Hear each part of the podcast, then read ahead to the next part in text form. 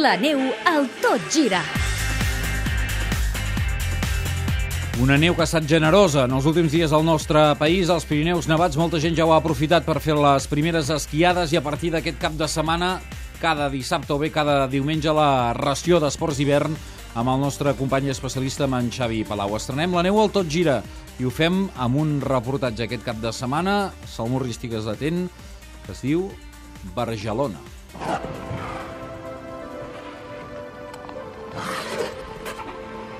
Bargelona és el nom amb el qual s'ha batejat la pista de gel instal·lada al cor de la capital catalana, la plaça de Catalunya. classificats per ser final de patinatge artístic. Té unes dimensions de 40 per 30 metres, 1.200 metres quadrats, i està col·locada a la part central de la plaça sobre el mosaic de la Rosa dels Vents.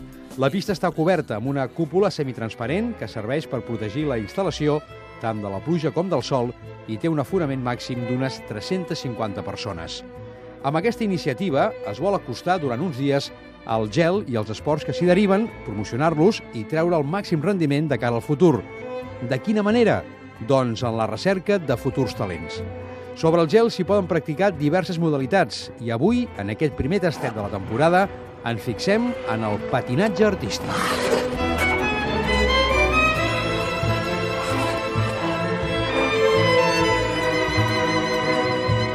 El nostre país no té tradició en els esports de gel i tampoc va sobrat en instal·lacions.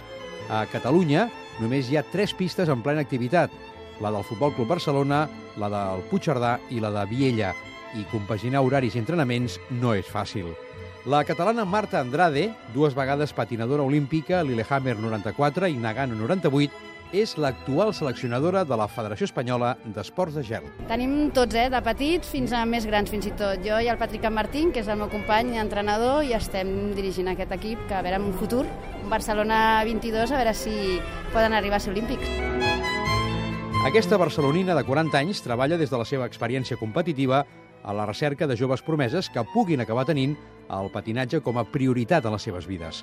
Els obstacles són constants per la falta de pressupost, la complexitat de compaginar diverses activitats a la vegada i la dificultat d'allargar el calendari d'hores d'entrenament durant la temporada. És molt complicat, com has dit, tu és un esport minoritari, minoritari tots els de gel, i a veure, amb esperances, perquè crec que s'estan intentant fer moltes coses i hi ha molta gent al darrere, no són moments bons per promocionar molt aquests esports, però jo tinc moltes esperances perquè s'estan fent molt bé les coses del darrere i crec que en un futur doncs, podrem tindre més bones instal·lacions i optimista, som molt optimista. Tot i que és un esport minoritari, el patinatge sobre gel és essencial pels que hi tenen passió i dedicació. Entrenar-se hores i hores per millorar i l'esforç constant són dues premisses que no es poden deixar de banda. Fins i tot la complicitat d'aquests joves patinadors amb els seus entrenadors va més enllà d'una simple relació esportiva. A veure, jo me'ls trobo com si fossin tots els meus fills. No tinc fills i si sou tots vosaltres els meus fills, sí, sí, fem de psicòlegs, de, de tot, d'entrenadors, a vegades aconsellem... Sí, estem, jo crec que estem, coneixem moltes més coses poder que no arriben a explicar als seus pares perquè estem convivint amb ells. L'any 2013, que aviat estrenarem, és clau a nivell competitiu de cara a la cita olímpica de Sochi 2014. Entre el gener i el març s'han de cuinar gran part de les aspiracions de molts esportistes. Del 21 al 27 de gener es fa l'Europeu de Zagreb i del 10 al 17 de març el Mundial de Londres, Ontario. Dues cites, sobretot el Mundial, que decidiran moltes places per anar als Jocs d'hivern. És un esport molt subjectiu. La nota tècnica sí que és establerta, hi ha uns punts, d'aquí no et pot sortir, però la segona nota, que és l'artística, aquí depèn molt dels jutges, a nivell internacional hi ha molt de política entre països, ajudes... És molt complicat perquè no, no hi ha un cronòmetre, com tu dius, i el que arriba primer ha guanyat. No, és molt subjectiu i també és un esport també que en 3 minuts, 3 o 4 minuts, et jugues tot el treball d'un any i també és bastant complicat i és molt d'esforç, però bueno.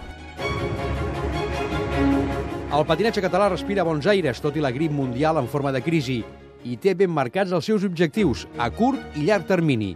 A l'horitzó, no gaire llunyà, hi ha un projecte il·lusionant d'un Jocs d'hivern a Catalunya l'any 2022. Seria genial que poguéssim celebrar aquí Jocs Olímpics. És complicat perquè costa molt a nivell internacional que el primera vegada ja t'ho donguin, però jo sóc optimista perquè s'estan fent molt bé les coses, crec, des del comitè i tot, i hi ha molta gent darrere que està ficant moltes ganes. Esperem a veure què es decideixen, però bueno, i si no és pel 22, per les següents i les que faci falta. Barcelona només és una de les pistes de gel que s'han instal·lat a casa nostra aquests dies.